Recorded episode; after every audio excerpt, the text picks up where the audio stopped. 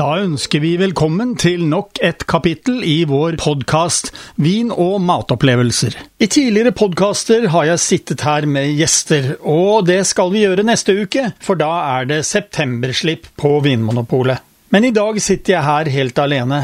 Jeg skal likevel gjøre så godt jeg kan for at vi skal få litt nyttig informasjon ut til folket. Også i dag har vi valgt ut tre viner, to hvite og én rosé. Vi må vel kunne si at vi har tatt på oss spanderbuksen i dag, i hvert fall når det gjelder rosévinen. Vel, heller ikke den er så forferdelig dyr. Som vi har hatt i tidligere programmer, har vi satt som mål å teste ut noen av de rimeligere vinene, for å finne ut om de er verdt å smake på. Vær så god, det er servert. Den første jeg har tatt fram, er en hvitvin som kommer fra Chile og fra Maipodalen i det området som betegnes som Central Valley. Der finner vi mange vinprodusenter, og en av disse heter Vinja Maipo. Vinen vi skal smake på i dag, er Mi Pueblo Sauvignon Blanc 2019. Eh, den har vi hatt før, men denne gangen skal vi teste den til litt grillet fisk, og det gleder jeg meg til. Som navnet sier, er vinen laget på Sauvignon Blanc-druen. Denne druen, som er tradisjonsdruen midt i Frankrike, i Loiredalen. Vinen er ung, druene ble plukket for et år siden. Her snakker vi om en lett og ung og fruktig vin. Du kjenner duft og smak av eh, først og fremst nesle eller stikkelsbær, sitrus og urter. Og nettopp stikkelsbær, nesle og solbærblader er typisk for viner av denne druen. Den er tørr og syrefrisk. Noen sier dette er en drikkevin, men jeg synes den bør ha litt mat med seg. Litt som kan balansere friskheten. Så hva kan passe? Jo, de grillede torskestykkene hadde, passet godt. Dessuten hadde vi en salat til, og det ble en god match. Denne finner du i basisutvalget, altså så godt som alle utsalg har den inne. Blir betegnet som en OK vin av ekspertene.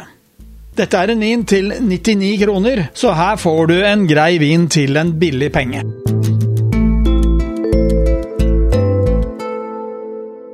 Den neste er også en hvitvin. Det er en kartongvin fra Italia. Den heter Sa Rogate Suave 2019. Den kommer fra Suavi Veneto, litt øst for byen Verona. Vinområdet ligger sånn cirka midtveis mellom byene Verona og Venezia. Det er druen Garganega som er hoveddruen i Suave, og som denne vinen er laget av.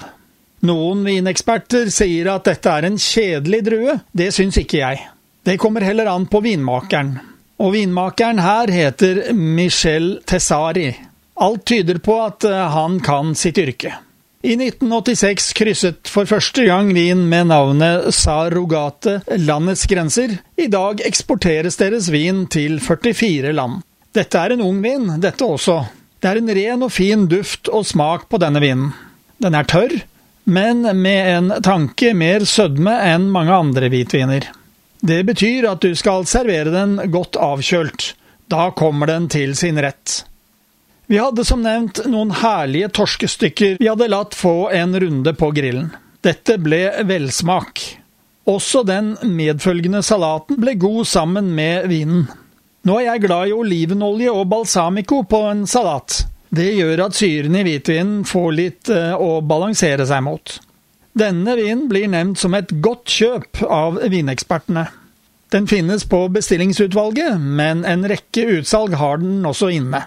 Jeg kjøpte den for kort tid siden på mitt lokale vinmonopol. For en treliter må du ut med 480 kroner. Det gir en pris per flaske på 120 kroner, som er en grei pris på denne vinen. Nå har vi tatt turen over Middelhavet og inn i Midtøsten. Den neste vinen kommer fra Libanon, og er en av de to roséviner du får på Vinmonopolet fra dette landet. Chateau Kefraya Le Breteche Rosé 2019. Den kommer fra sør i Bekadalen, fra Chateau Kefraya. Der har jeg vært, og jeg må få si at det er et flott sted. Hvis du en gang skulle besøke vingården, så ta deg tid til å spise på stedets fasjonable restaurant. Nede i dalen er det paddeflatt, og ligger rundt 850 meter over havet. Men flere vinmarker ligger oppover i dalsiden for å få litt avkjøling fra den intense heten. For varmt er det i Bekadalen. Vinen har en lys rosa farge. Den er laget av en rekke druer, men bare rødvinsdruer. Cabernet Sauvignon er hoveddruen, deretter Syra, og så Tempranillo og Grenache. Her er det altså typiske franske og spanske druer. Det gir en duft preget av røde bær, litt grønne urter og litt tropisk frukt. Dette er en tørr vin. Smaken har stor fylde og passe syre. Det er stor fruktighet med samme preg som vi har i duften. De to andre vinene hadde et alkoholinnhold på behagelige 11% Denne ligger på 14% Det er trolig av at varmen produserer mye sukker i det området. Kort sagt har du da som vinmaker to muligheter. Enten kan du lage en vin med mye sødme og lite alkohol, eller så kan du la gjæringen gå helt ut. Da får du mye alkohol, men en tørr vin. Det kan virke som om vinmakeren har gjort det siste her. Denne vinen blir betegnet som et meget godt kjøp av ekspertene. Og ikke nok med det, du finner den i basisutvalget. Med andre ord er det svært sannsynlig at du finner den på ditt lokale vinmonopolutsalg. Denne koster litt mer enn de to andre. Ikke så rart, da de to hvitvinene var i det rimelige varesortimentet. Her må du ut med 155 kroner, som er slett ikke mye, sammenlignet med andre roséviner med samme kvalitet.